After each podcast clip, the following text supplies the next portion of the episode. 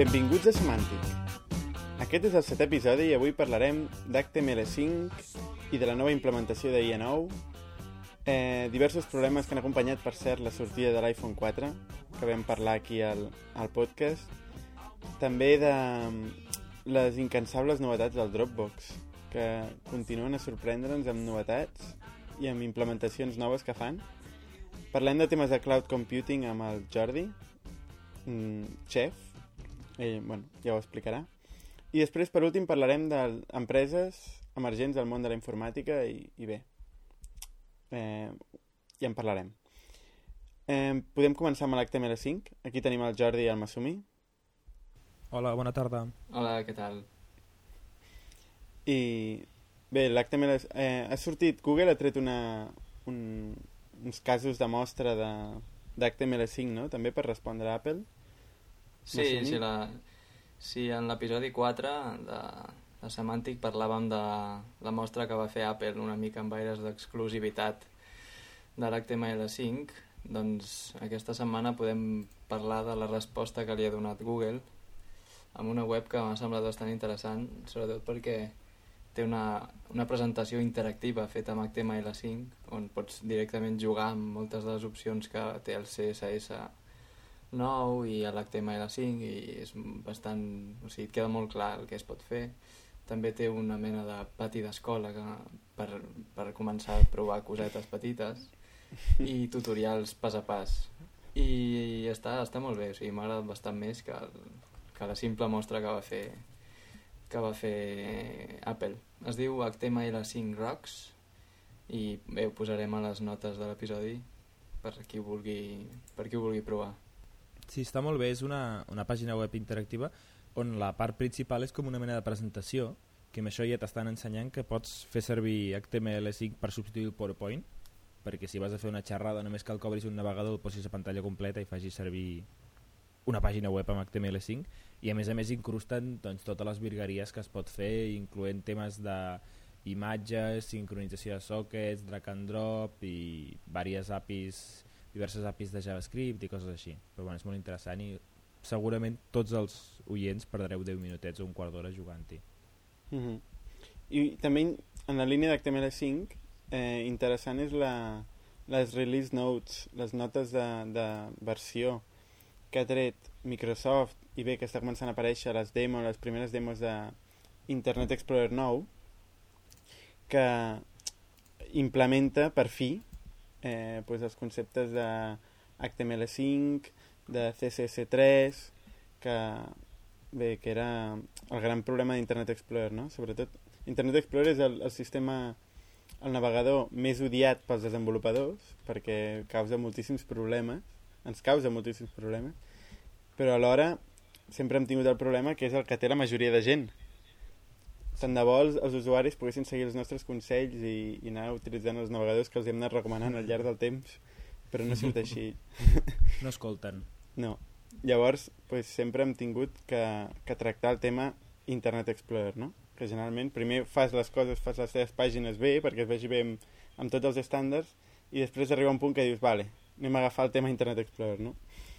I, i bé, fins a l'última versió que tenien era l'IE8, l'Internet Explorer 8, que va estar, doncs, bé, ha estat estàtic des de la seva aparició, era molt poc competitiu amb Chrome, amb Firefox, amb Safari, realment no, no implementava cap mena de selector mm, de CSS3, de, vull dir, la nova implementació del CSS que facilita moltíssim la feina. I què més? El JavaScript era molt lent, no, no es podia comparar amb, amb el motor sí. de JavaScript de Chrome. Aquí és un, és un més l'han deixat en evidència, perquè aquestes aplicacions riques que fan servir molt de JavaScript Exacte, sí, per emular sí. una aplicació d'escriptori anaven bastant malament amb, amb Explorer per culpa del motor de JavaScript. Vull dir, era un punt molt important aquest. Sí, sí.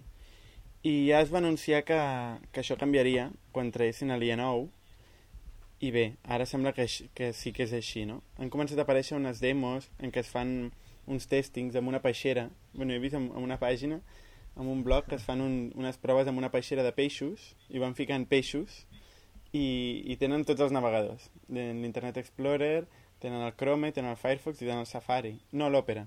Safari no, no sé per què. i van ficant peixos, va ficant peixos i peixos, llavors es van, es van calant. I curiosament escala el, el Chrome i escala l'Opera, però en canvi el Firefox, l'última versió de 3.7, si no m'equivoco, i el, sí. i el IE9 allà aguanten moltíssim i, i bé, la gran, la gran innovació de l'Internet Explorer 9, a part de que implementa ja tots els conceptes HTML5, CSS3 i tal, i el JavaScript s'ha millorat moltíssim, diuen, i serà molt més ràpid, incorpora la, el processat de, de gràfics mitjançant la, en comptes de la CPU, la GPU, que és el motor gràfic, o sigui, la, la, la, bàsicament la, la targeta gràfica, no? Unitat de processament gràfic, sí. són les, les lletres. Sí, i llavors, clar, això fa que, que es pugui, a part de que obre el, el ventall de possibilitats moltíssim de lo que pots fer amb un navegador, perquè pots renderitzar gràfics, pots, renderi... pots fer com si fos un joc amb un navegador, pots utilitzar coses que... Eh, programes que normalment utilitzaries un sistema operatiu, per exemple, videotrucades, eh, sessió d'escriptoris de, de remots, control de... de, de mm. Bueno, pots fer moltíssimes coses que fas normalment en un sistema operatiu, pots renderitzar dintre mm. un, un navegador. Coses que, per exemple, es fan amb Flash o Java, ara mateix. Sí. I Llavors, consumeixen va... la CPU d'una manera increïble. Sí, sí. Sí. I això, doncs, bàsicament, utilitza una API, que és, es diu Direct 2D, que treballa sobre Direct 3D, i clar, és depenent del sistema operatiu, malauradament és depenent del, del sistema operatiu de Microsoft, necessites Microsoft. utilitzar un Windows per poder per poder-lo fer funcionar. Però pues, està bé la idea aquesta d'unificar l'API la, i a partir d'aquí pues, poden, cada desenvolupador pot utilitzar-ho o podrà utilitzar-ho suposadament pues, per, per, per fer aplicacions utilitzant aquesta tecnologia. No? Després, Però aquest, també... aquest... Ah, perdó. No, aquest, sí, aquest navegador no és, no és el que anuncia el Yoda, no? Totes les parades d'autobús i metro i això. No, és l'IE8, em sembla. Sí, sí, és veritat, és veritat. I, i no sé per què anuncien l'IE8, però bueno... Perquè sí, tampoc... Eh, el màrqueting de Microsoft, em sembla que això ho he anat dient fins que em cansi, és bastant patètic. Sí, sí, sí no sé, no, no aconsegueixen agafar una estratègia intel·ligent i portar-la tothom endavant, no sé, perquè dintre del Microsoft hi ha, hi ha moltes veus a més dissonants, vull dir, sí. el tema de, de IE9 feia molt temps que s'estava demanant i, i han trigat molt, han arribat molt tard, no? Home, és que estan perdent la guerra dels navegadors perquè segueixen tenint la major quota de mercat, de mercat però el, nivell, el ritme de pèrdua d'usuaris també és, és alarmant per a ells. Vull dir, de passar de tenir el 90% de, o més del 90% de quota, que ho estava mirant ara, a tenir-ne el 40 i, i pico, depèn d'on tu miris, entre 45 i 55, uh -huh. doncs home, la pèrdua és brutal. Això en, en 5 anys, aquesta diferència. Sí, sí, a més Microsoft que està perdent en tots els sectors, en tots els segments sí. que normalment tenia posició de domini. Sí, no deuen pujar amb res més que en beneficis. No ho sé. Sí, sí. Bueno, un altre tema és que implementa l'H264, que això també és curiós. Opta per al format de, de vídeo, del còdec de vídeo d'Apple, en comptes del format de Google WebM, que vam parlar també aquí a Semantic. Sí. I sembla curiós. Potser en futures sí. versions bueno. diuen que potser sí que donaran suport a WebM, però clar, això vol dir que s'esperen, de moment opten per H264 i s'esperen aviam què passarà més endavant està bastant més rodat, H264 porta més temps al mercat sí. i tampoc hem d'oblidar que Microsoft i Apple de sempre han tingut molts acords estratègics eh? vull dir, són enemics en un tema però depenen una mica l'un de l'altre en sí, sí. diversos temes tothom, tots estan lligats eh? tots tenen tractes sí, sí, sí. Eh, també, també Google i Apple encara que són sí, en molts segments són molt enemics en d'altres estan super, últimament super per això s'estan no? clavant unes punyalades tremendes i bé, dir que la, la beta eh, sortirà a principis d'agost, la beta oficial, perquè de moment el que hi ha, el que està circulant no és ni un alfa, no, no funciona. Però m'assumi si vols, tu pots baixar, tu que t'agraden sí, les alfes de navegadors. Llàstima que no faci el Windows, si no ho faria. Sí, friso per provar i, i Internet Explorer 9, eh? No, jo, a mi em sembla interessant. I augmentarà la, la competició, mm, farà, al final beneficiarà l'usuari, com sempre quan I a nosaltres com a programadors d'aplicacions web ens facilitarà una miqueta la vida Home, i tant. no haver de fer una versió especial perquè I hi ha tant. un navegador que és horrible. Ara simplement serà un navegador que compleix amb els estàndards. Uh mhm. -huh. Però bé, ens n'alegrem. De moment els grans fans per aquest canvi són a Nvidia i el, les empreses de, de targetes yeah. gràfiques i acceleradors gràfics perquè I tant. realment vull dir, els porta, els dona molta importància, no? Fins i tot si ens plantegem Marketing. la possibilitat de, de pensar jocs per exemple, que en comptes de comprar-los tu simplement et logueges en un portal i, i jugues a partir d'allà ja utilitzant el motor de la targeta gràfica pues, sembla, sí. és una revolució com els, com els jocs flash però seriosos sí, sí, jocs Exacte.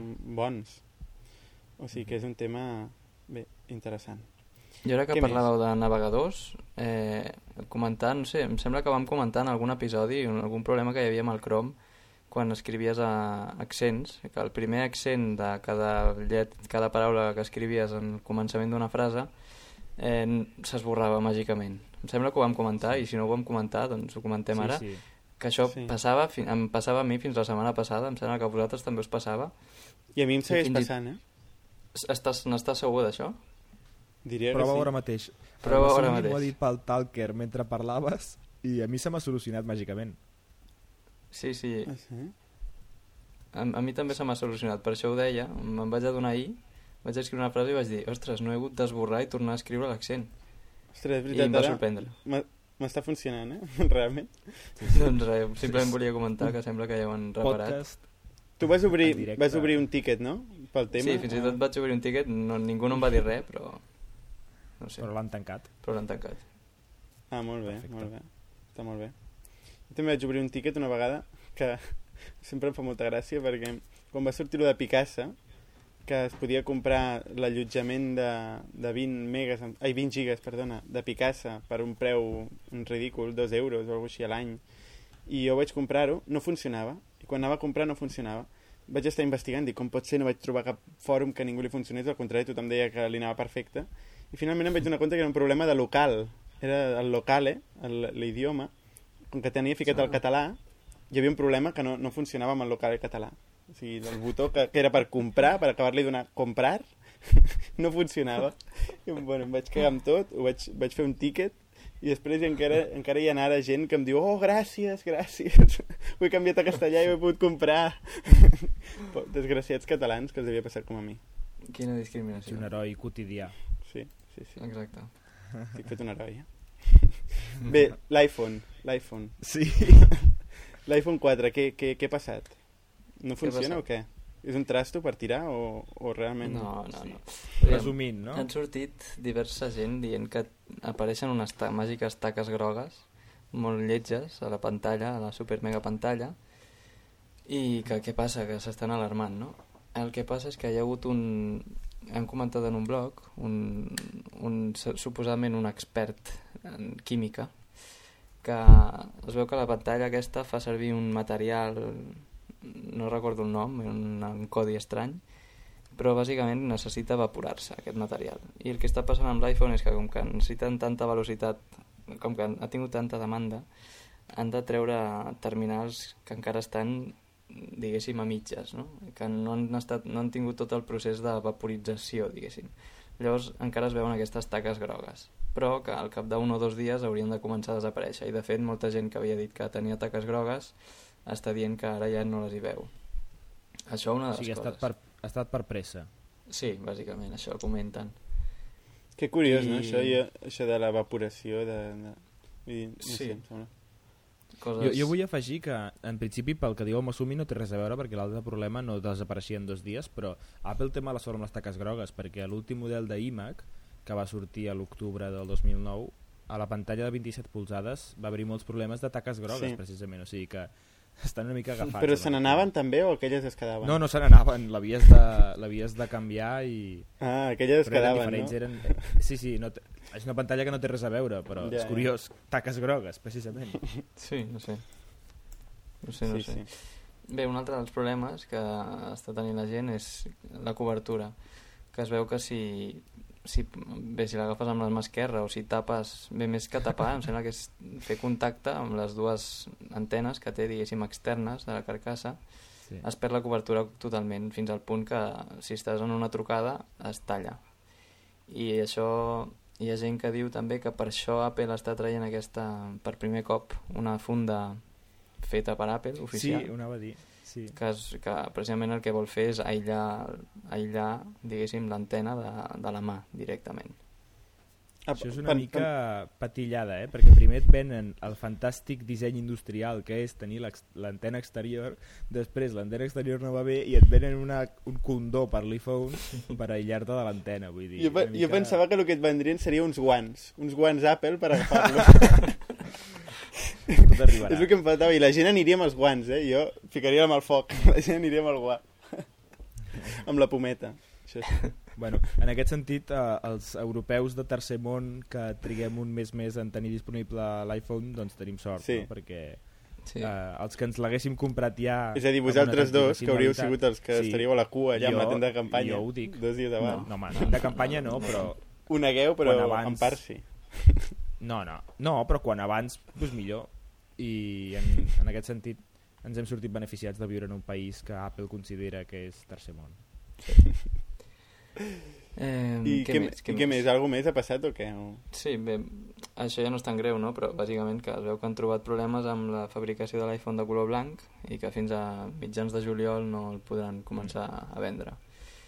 I una altra cosa que s'ha vist també, però que no és que sigui un problema, sinó que més aviat és una tàctica d'Apple, és que destripant l'iPhone 4 han vist que té un xip que li dona capacitat hardware de, de fer de ràdio, bàsicament, ràdio FM.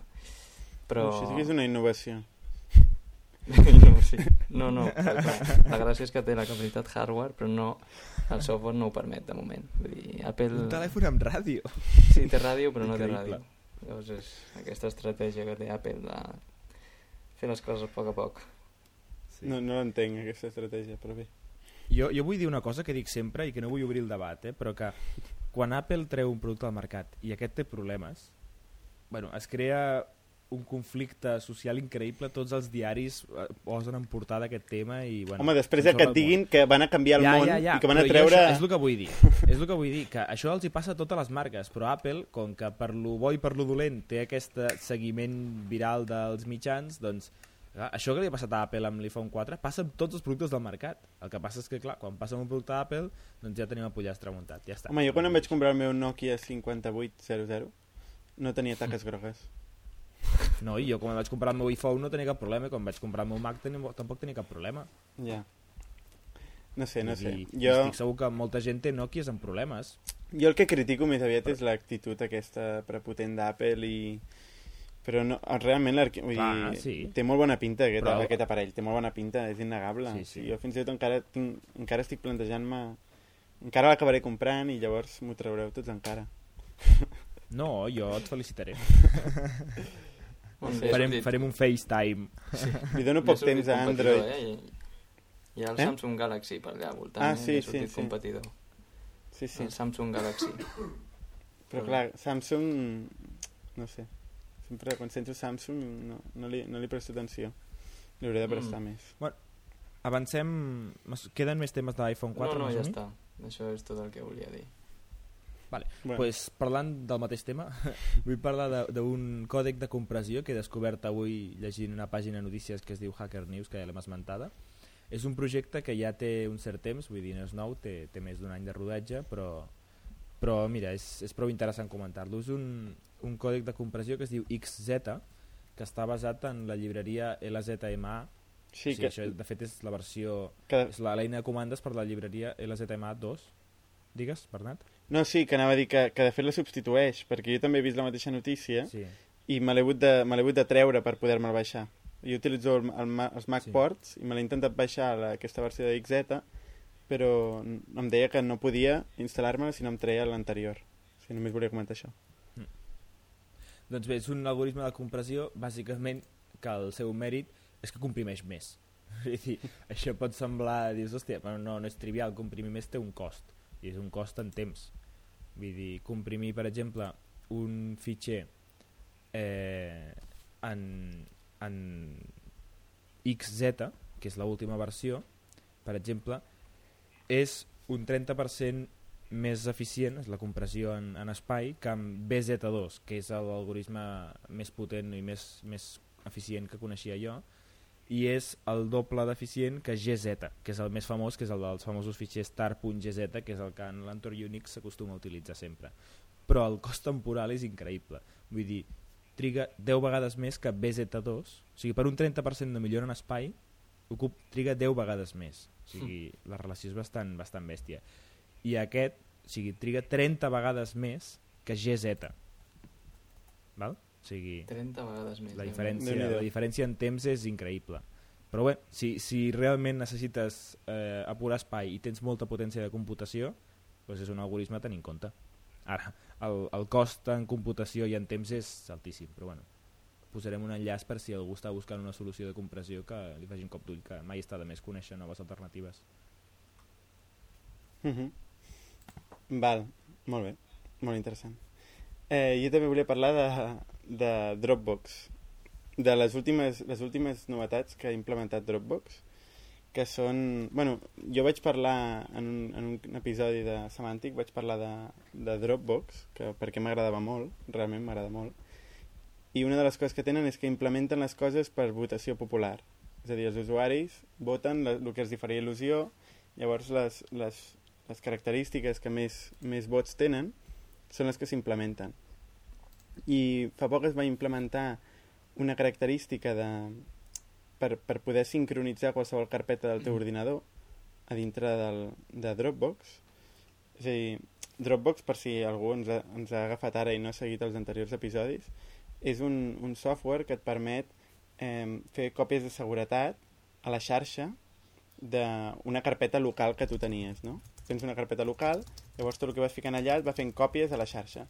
Però no es, no es limita a ser còpies de seguretat simplement, sinó que a més a més et permet pues, accedir des de, des de la web, des de qualsevol lloc en aquestes còpies i et permet compartir amb altra gent, eh, i et permet moltes coses, no? Llavors actualment doncs, han implementat el, el, el tema aquest de, de sincronització selectiva, és a dir, pots agafar una carpeta de la teva, del teu disc, posem per exemple la carpeta de música, vale? i llavors, a més a més, han implementat una, una, un sistema de preview que és molt potent, que de fet substitueix els, els acortadors aquests enllaços, que al Jordi li agraden molt. El, el... Sí, ja, ja ho vaig dir l'altre dia. Sí. El substitueix també perquè passa, pots utilitzar l'enllaç de, eh, DP, Dropbox, no?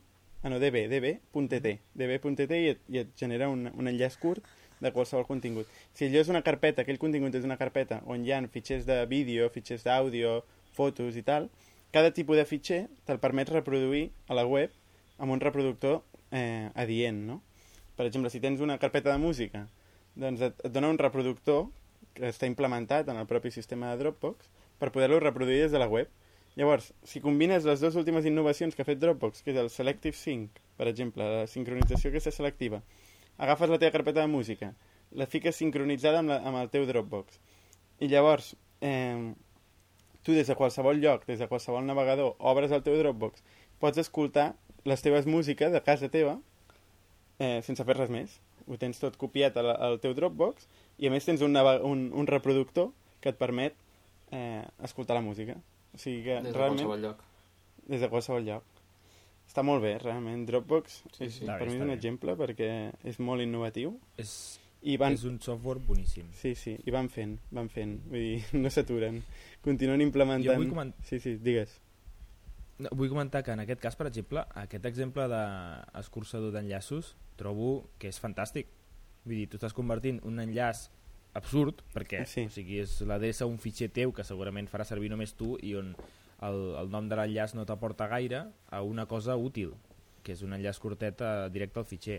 Jo parlava d'escurçar URLs sí, de webs, sí, d'articles, que és un altre tema, però en aquest cas trobo que és una bona aplicació. De, Clar, la URL d'un article conté informació important de l'article, no? Exacte. però un arxiu... En canvi, del teu fitxer sí. és diferent, és una cosa interna. Sí, exacte. Sí, sí. I què més? Què més teníem de, per parlar? El tema de cloud sí. computing del Jordi. Sí, sí, jo últimament estic eh, tractant bastant amb cloud computing i un dels últims descobriments és Chef. Eh, abans d'explicar què és Chef, explicaré un problema que tenim totes les persones que has de muntar un servidor per a alguna aplicació en concret i el més probable és que no l'hagis de muntar només una vegada, sinó que l'hagis de tornar a muntar un altre cop i no tinguis ni idea de què és el que vas fer perquè allò funcionés. Aleshores, què fas normalment? Doncs et fas un, un script o un programet que executi unes quantes comandes una darrere l'altra, però clar, això depèn de quin sistema operatiu fa servir les comandes ja no serveixen, canvia la versió del software i per tant has de canviar les comandes, és un sistema molt poc pràctic i ningú, poca gent ho feia servir, sigui, tu anaves fent comandes a sac i ja està. I aleshores, per exemple, en cloud computing significa que tu fas una, una aplicació i la vols posar en un servidor. Doncs en comptes de comprar una màquina i posar-la allà, agafes una instància virtual i envies allà la teva aplicació, després tens més, tens més tràfic del que pots gestionar, agafes una altra instància virtual, divideixes en dos, així fins que divideixes en milions i tot funciona perfecte, així funcionen empreses com Dropbox, etc. Doncs si has d'instal·lar el teu software en, ja només dic dos o tres màquines, et pots tornar boig, perquè cada una funcionarà diferent i no sabràs per què, perquè ho vas configurar fa mesos i no en tens ni idea.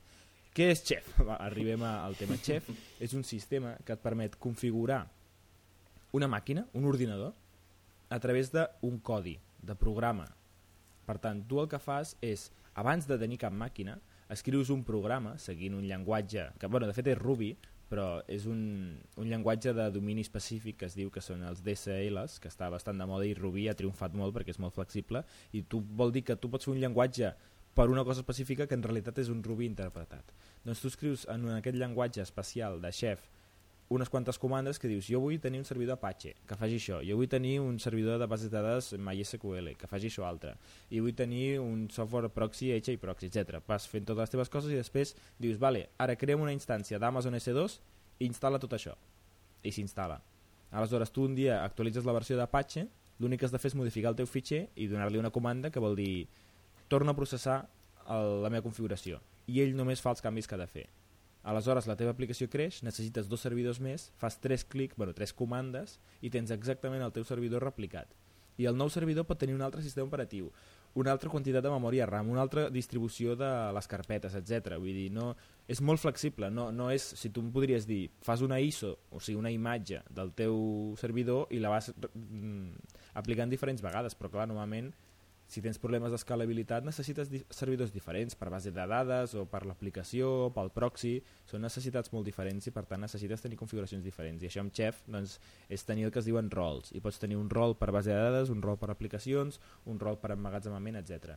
I posarem enllaços a, a Chef perquè és un, un tema molt interessant per als, als que us dediqueu a instal·lar sistemes definitivament ho heu de provar perquè jo vaig veure la llum amb això i mai més penso instal·lar un sistema operatiu doncs entrant a la terminal i començant a, a instal·lar paquets. El que has de fer és preparar-te el repositori i enviar els canvis. I ja, si algú li interessa ja comentareu però preparar, uns enllaços útils. preparar la recepta i després fer el plat no? exacte, es, es diu així o sigui, sí, sí, ells, ells en diuen així eh? parlen de receptes i de fet hi ha una comanda que es diu knife que és ganivet. o sigui, quan tu envies els teus canvis, fas servir el ganivet. Ah, sí? Però, bé, els sí. informàtics som uns friquis i això ja ho sabem. I això fa molt temps que hi és o, o ha aparegut fa poc? No, aviam, fa potser, aviam, jo dient anys sempre la cago, però deu fer un any que, ah, vale. que es va sentint, però cada vegada s'extén més. Uh -huh. Vull dir, clar, el cloud computing va crear aquest problema i hi ha, diverses, hi ha alternatives, hi ha un altre sistema que de fet era més potent al principi que es diu Puppet, que està molt bé, però Chef és molt més flexible i el fet de que tu programis en Ruby vol dir que programis en molt poques línies fa que la gent prefereixi Chef. Uh -huh. La gent que coneixi Ruby, clar. però... No, no cal, no cal, aquesta és la gràcia. Tota la gràcia del llenguatge de domini específic vol dir que tu no saps ni què és Ruby. Tu escrius unes frases amb un ordre en concret, amb una mena d'anglès, ah, vale, vale, clar, i clar. ell entén allò com clar, a Ruby. Vale, vale, sí, sí, no, és, no és codi de veritat, és un llenguatge de domini específic que... Sí, sí. Bueno, com he comentat abans, és, és la gràcia de Ruby, no? que és molt flexible i pots fer escriure codi que no sembli codi. Mm -hmm. Està bé. Doncs, bé, teníem un últim tema, que és que sobre un llibre en particular que jo m'he llegit ara, fa poc, que es diu Rework, que es diu... Bueno, no sé com es pot traduir això, Rework, re, reprojectar el treball. No, no, no, no traduïm, és un nom propi. Sí, millor, millor no traduir-ho I és un, un llibre que han fet l'empresa aquesta de la qual parlem de tant en quant, que és 37 Signals, mm. que són els creadors de Ruby on Rails, bàsicament, que és la tecnologia que més utilitzem. Mm. I bé, un, un d'ells, el David Hennemeyer Hanson, és, el, és el creador de Ruby on Rails. Però després està el Jason Fried, també, que és el, el jefe una mica de, de 37 Signals, no? I... Fundador. Eh? El fundador, deia. Sí, el fundador. Llavors aquests han escrit un llibre sobre com, eh, bueno, consells i maneres de fer per, per a les empreses emergents o les petites i mitjanes empreses i tal, no? I és interessant perquè creen, una mica intenten trencar moltíssim amb el model habitual que, que acompanya, bueno, fins ara ha acompanyat la creació d'una empresa, no? Ells et diuen, pues, jo mentre me l'he llegit m'he anat apuntant també conceptes i tal, i per exemple, ells et diuen que no has de créixer. Vull dir, una empresa no, no t'has de ficar com a objectiu créixer. Normalment una empresa comença ja pensant, des de quan l'estàs creant, eh, estàs pensant com creixeràs, com d'aquí un any ja serà 100 persones, o no, 100 persones no, però 20, i després 50. No té per què seguir aquesta lògica lineal. Potser 10 persones eh, fan bé la seva feina encara que facturin molt més o menys, no? Per exemple, en el seu cas, ells em sembla que són 10 persones realment, no? Tu saps, Jordi? Són... Sí, eh, sí, 13 o 14 l'altre dia sentia, però sí, es mouen amb una quantitat molt petita, tenint en compte el tamany sí, i, que podrien tenir. I, I ells el que facturen és una quantitat increïble, no? O sigui, simplement gestionen els sí. recursos que tenen d'una forma intel·ligent, o això diuen, per tal... Bueno, ah, no, això diuen no. Realment ho no, han fet d'una no, forma intel·ligent, sí perquè estan, sí, estan forrats i, i estan considerats com, bueno, com una audiència, o sigui, com una... no una audiència, com una no sé, una font d'informació molt valuosa, no? Perquè segueixen sí, els seus però blogs. estan forrats i a més a més és, tenen èxit, perquè no, no tot és estar forrat, vull dir, sí, sí. creen influència sobre, I modes, sobre el món i... del software, sí la gent els fa cas, eh, fan un producte que els agrada, vull dir que no només és estar forrat, realment tenen èxit en tots els sentits. Uh mhm. -huh. Llavors, bé, continuem amb els conceptes que m'he apuntat jo d'aquest llibre, que no és el primer llibre que treuen, és el segon, i és un dels que més èxit té als Estats Units. A l'Amazon em sembla que està el rànquing nivell 2 de categoria negoci. Ai, nivell 2. El rànquing 2 sí. de, de categoria negoci. nivell 2, sí. I... el Pokémon. I Sí, sí, té molt d'èxit. I, bueno, parla també, una altra, una altra cosa que parla és de dibuixar una línia a la sorra. Què, què vol dir això?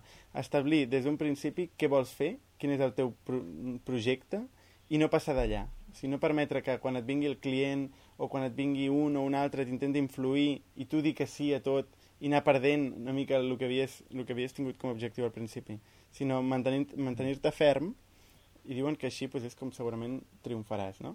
És important que visquis el, el, el que fas, sí que no ho facis per, per no sé, per altres raons, no ho facis per, per fer-te ric, realment si, et faràs ric si vius eh, el, el que, la teva idea, no? Potser, però si tu, el teu objectiu és fer-te ric des d'un inici, pues segurament no triomfaràs, perquè l'objecte, o sigui, la teva, la, el teu projecte t'ha de, de permetre eh, apassionar-te, no? Després que diuen... T'ha de motivar. Després diuen, comença un negoci, no un startup. El startup és el, el concepte aquest que als Estats Units es parla molt, no? que és una empresa emergent, els emprenedors, que és com tot val, perquè com que és una startup, bueno, si s'afonsa no passa res, perquè és una startup. No? Llavors ells diuen, no, eh, crea un negoci. Parteix d'un negoci, sí, no sí. d'un startup. No? I bé, això és un tema que també segurament tenen, tenen bastanta raó, no? Eh... Sí, perquè la gent veu Facebook, veu Twitter, etc i diu, jo faré el nou Facebook i ells diuen Facebook i Twitter n'hi ha dos. I Twitter encara no guanya quasi diners. Vull dir, no és un exemple a seguir. Tu no pots seguir un exemple d'una cosa que és tan difícil com guanyar la loteria. Vull dir, compra't la loteria i ves a la teva feina. No, no arrisquis milions de diners d'altres persones per una cosa que no passarà. Sí. Sí, sí. I bé, diuen també d'això. Quan tinguis una idea, no, no, per exemple que dius, jo tinc la idea del nou Twitter la idea del nou Facebook pues no tinguis la idea, comença a treballar-hi, comença a treballar, vull dir, comença avui, no? Diuen, perquè hi ha molta gent que diu, hosti, jo tenia la idea aquesta i me la van robar, aquella idea, no, no serveix de res, això és absurd, no? Tu, tu tens el que fas, el que programes, no? I què més? Diu que això, que més val, per exemple, tenir mig producte que no eh, voler fer una cosa molt, un producte molt avançat i després que dona la meitat de la satisfacció al client, no? Perquè això és molt pitjor. Diu, més val implementar doncs, una cosa més petita que... I, i que funcioni, no? Per tant, comença ara i comença amb algo petit i que funcioni, que comenci funcionant des del primer dia, que comenci a vendre, no? Després diuen que has d'aprendre a dir que no. Això també és una cosa que insisteixen molt. Digues que no per defecte. Si sí. et pregunten alguna cosa, si demanen... Ajuna amb, sí. amb lo de la línia a la sorra que comentaves, sí. És la mateixa idea. O sigui, decideix tu el que vols fer. Sí, sí. Sí, Després... l'abast del projecte, sí. Clar, això és una cosa que vull dir, està molt bé, no? Tot això que et diuen, dius, hòstia, està molt bé, però realment eh, és viable, vull dir, un, una, una empresa, bueno, això en parlem després, no? Però realment... De vegades no és fàcil, clar. Clar, és que tu comences i et ve un client, un client que és segur i que et diu, mira, jo et pagaré això si m'implementes això i això i, sí. i l'altre, no? I tu estàs amb la teva empresa allà que de moment no tens res segur i dius, hòstia, si faig això, doncs ja tindré el primer, un, primer input, tindré algú que, Estem parlant de, algú que em pagarà, no? Llavors sí. mm, t'acabes deixant sí, sí. seduir molt fàcilment, no? En la, en la vida real. I si no et deixes seduir, doncs has de tenir sort, t'ha d'anar bé. Perquè si fas lo teu, lo teu, i, i després no triomfa, després no ho vens, doncs està bé. Bueno, I si t'equivoques? Vull dir, tu fas lo teu, però ningú diu que tu tinguis la clar, veritat absoluta. Clar, clar, és aquesta la... I potser el client té raó, a vegades, generalment no tenen raó, però a vegades sí. Sí. Després, què més diuen? Per exemple, es carreguen els meetings, diuen no facis meetings, o els mínims possibles, eh? I treballa que cadascú sàpiga el que fa i que us coordineu, pues, si cal, pues, us coordineu via mail, que mail és una cosa que pots mirar quan vulguis, més que videoconferències i altres coses que també són com meetings al final. O sigui, meetings, reunions, eh? Que jo dic amb conceptes sí, com sí. els he llegit i... Després... Sí, clar, el llibre està en anglès, no sí, per ara. Sí, sí. Després... L'han traduït ja, eh? Perdó, eh, ah, sí? incís, per si algú el vol comprar, l'han traduït ja i d'aquí poc el vendran en, en altres idiomes. Uh -huh. Què més diu? Diu que, per exemple, interrupcions, no tinguis interrupcions. Treballa seguit, quan estàs en un moment de productivitat, no permetis que t'interrompin. O sigui, si pots treballar a casa teva, separat, si sou una empresa que us podeu treballar cadascun al seu lloc, millor. Això diuen. Després, no facis llistes llargues. Fica una cosa clara que tinguis, la següent cosa que tinguis que fer dalt de tot. No facis llistes perquè després no, no, les, no les faràs. És que hi haurà coses que es quedaran a sota de tot, no serveix de restablir prioritats, simplement fes alguna el més important i fes-ho ara. Això diuen, no? Què més? Què més diuen? Eh, la inspiració. Aprofita la inspiració. I quan tinguis inspiració és igual que siguin les 3 de la matinada. Aprofita-la i implementa-ho. Eh, un altre tema. Sí, Posa... bueno, bàsicament... Sí. Sí. Digue, bueno, és que si, si tampoc volem llegir tot el llibre no. per, per l'oient, però la, la, la sí. idea de fons és que tenen molta raó en, en tot això que has dit, són, són bones idees. El problema que se li critica i que en el fons, per exemple, jo i nosaltres ho estàvem comentant tenen raó, és que és un cas ideal. Vull dir, no sempre pots ignorar el client. Si no tens clients i necessites que et paguin les factures, sí. doncs has de fer-li cas no, als pocs clients que tens. Si, si tu no vols fer reunions, però jo que sé, tens un client que vol fer una reunió, doncs no pots ser tan xulo de dir-li que no. Aquesta gent vivia en una circumstància molt especial i ha triomfat o sigui, són sincers, ells han fet servir tot el que recomanen. Vull dir, no, no és la típica persona que fa una cosa i després escriu un llibre amb una metodologia que a ell no li ha funcionat. A ell sí que els ha funcionat però no els ha funcionat perquè funcioni sempre. Jo crec que l'error perquè... sí, jo crec que l'error sí. està en considerar que el seu cas particular pot crear una teoria general de negoci. I això, i a més, un, mm. o sí o sí, perquè ells no, no, no parlen amb potser o, o recomanen, no, no, ells diuen, no, és sí, així, sí. no? I a més, un dels seus consells sí, sí, és aquest. la veritat absoluta. Sí, un dels seus consells és aquest. Diu, sigues taxatiu. Eh? Critica, per exemple, critica la competència. Critica-la. Eh, Deixa-la en ridícul. Públicament. No passa res. Sí. Sigues taxatiu, no? I bé. Sí, sí. Aquest, no sé, és un tema... Però... Si voleu llegir aquest sí. llibre és interessant. També diuen eh, que publiquis tot, tot el que facis, tot el que aprenguis, sí. ensenya. Diu, ensenya perquè això et donarà prestigi és... i això et farà circular. Aquí sí que li, no els hi veig, per exemple, un punt en contra d'això. i sí que tenen molta raó i què pot tenir de dolent publicar? Sí que és transparent, bàsicament el que et diuen. Home, es diu, es diu avantatge competitiu. posen...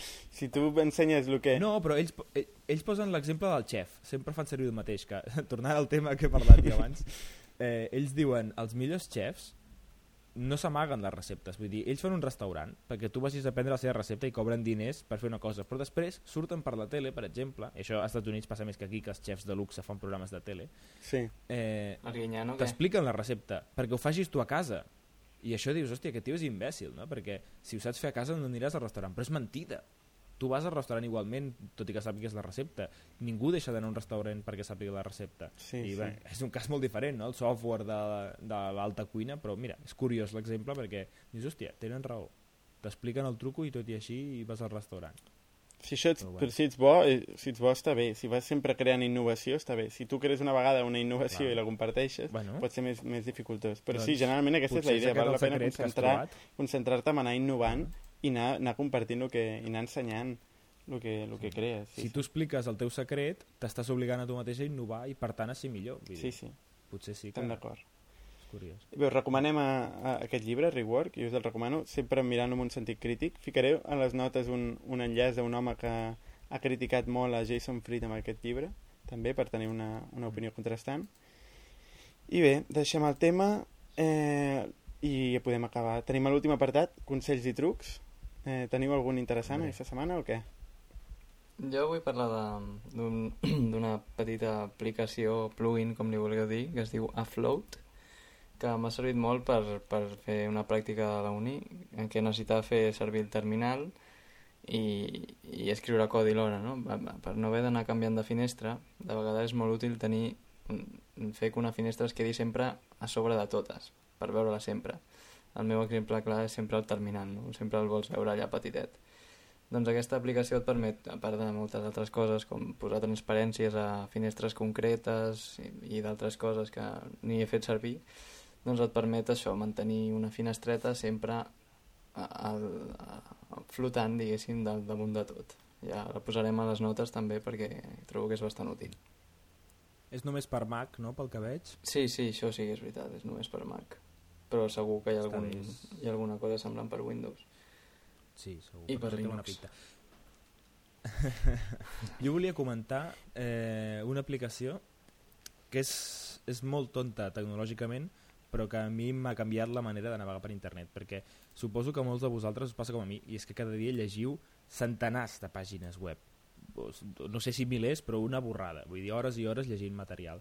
I molts cops tu trobes l'enllaç, però en aquell moment no tens la mitja hora que requereix aquella lectura i tu guardes. Aleshores, això es pot fer de diverses maneres. Tu pots posar l'escriptori, convertir en un sistema que no està ordenat, no saps quina llei estàs posat abans, després, etc i, i es va omplint de merda fins que un dia els esborres tots i et perds lectures interessants. Tu pots guardar en el lector de, de feeds, per exemple, si, si pots guardar preferits i això. I Google està. Reader. Però jo he trobat la solució... Google Reader, per exemple, però bueno, a mi no m'acaba de, de ser molt còmode Google Reader. Jo vaig trobar una... I a més, només serveix si ho has trobat en un feed. Uh. -huh. Jo em refereixo a una pàgina, per exemple, que trobis ja a internet. I no adreces d'interès? Exemple, és un altre cas, exacte, és el que deu fer la majoria de gent. Tens una adreces d'interès infinites que després mai esborres. Sí, això és cert. I, i no Com jo que tinc bueno, un vídeo solució... de sempre que em vas passar tu sobre el funcionament d'un processador. Exemple, sobre... Algo molt no, fric. sobre la llei d'Amdal. Ah, sí, sí. És molt interessant. Sí, sí, sí. Bé.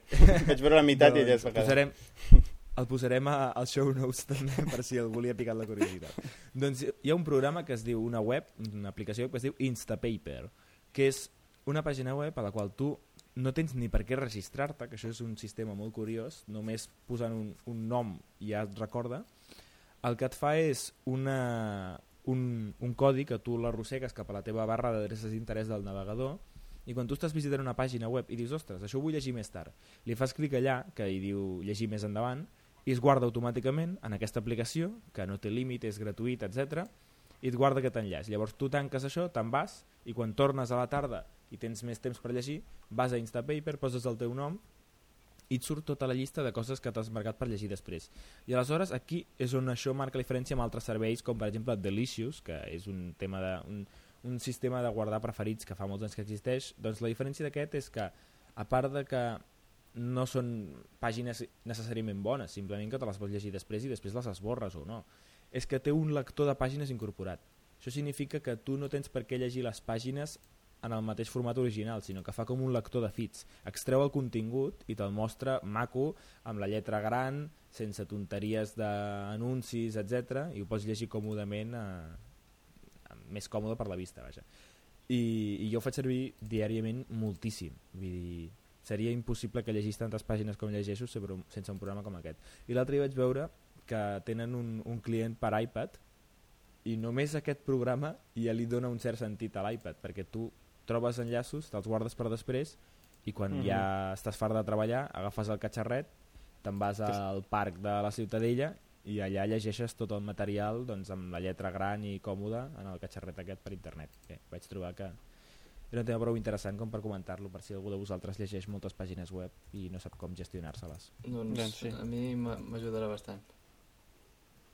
Ja saps, com, podem comprar un iPad i ens trobem al parc de la Ciutadella. No tenim iPad, iPad cap de nosaltres, eh? Ho vull dir perquè ningú es pensi que som aquí uns bojos. I bé, jo crec que ho deixem aquí. Eh, recordeu de seguir-nos a twitter.com barra semanticpodcast també escriu-nos un mail si voleu a podcast.semantic.cat deixeu-nos comentaris a la web i, molt important, molt important, voteu-nos a els premisblog.cat que estem concursant i estaria bé poder aconseguir alguna bona posició encara que no guanyéssim però mira. I posarem un enllaç al blog per que podeu votar sí, els premis. Sí, sí, perquè fins ara no l'hem tingut sí, certament. I res, ens veiem la setmana que ve. I wonder who